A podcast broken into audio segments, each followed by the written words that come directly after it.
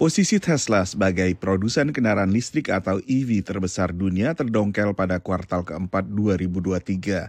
Pada tiga bulan terakhir tahun lalu, penjualan produsen mobil listrik Tiongkok, BYD, singkatan Build Your Dreams, melampaui 560 ribu unit, sementara Tesla menjual sekitar 484 ribu mobil.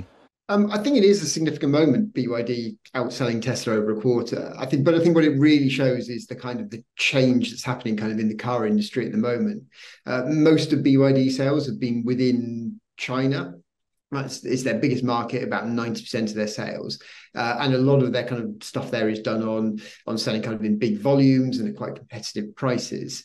Um, and obviously they have a massive amount of scale there, whereas uh, Tesla is increasingly find it hard to compete against so many domestic electric car firms.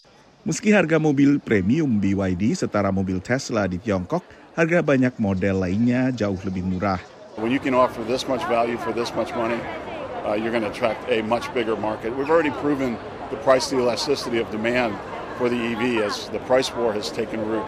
Uh, but this kind of redefines the whole market uh, price value proposition.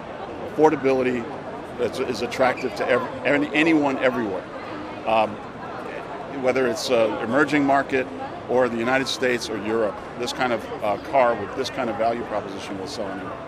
Tapi Tesla masih merajai pasar secara keseluruhan dengan penjualan lebih dari 1,8 juta mobil pada 2023, peningkatan 37,7 persen dibandingkan angka 2022.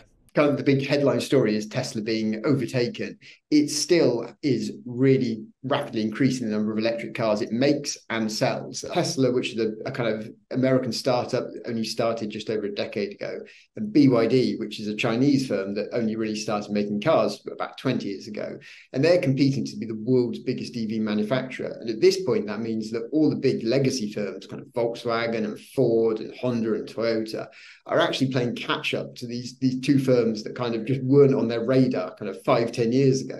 Bergairahnya pasar EV di Tiongkok dengan beragam insentif pemerintah setempat dipercaya berada di balik sukses BYD dan produsen sejenis dari Tiongkok.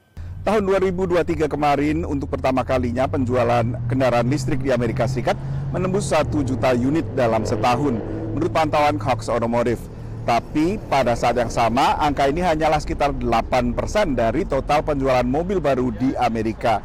Dan sebagai perbandingan, angkanya di Tiongkok bisa mencapai sekitar sepertiga total penjualan.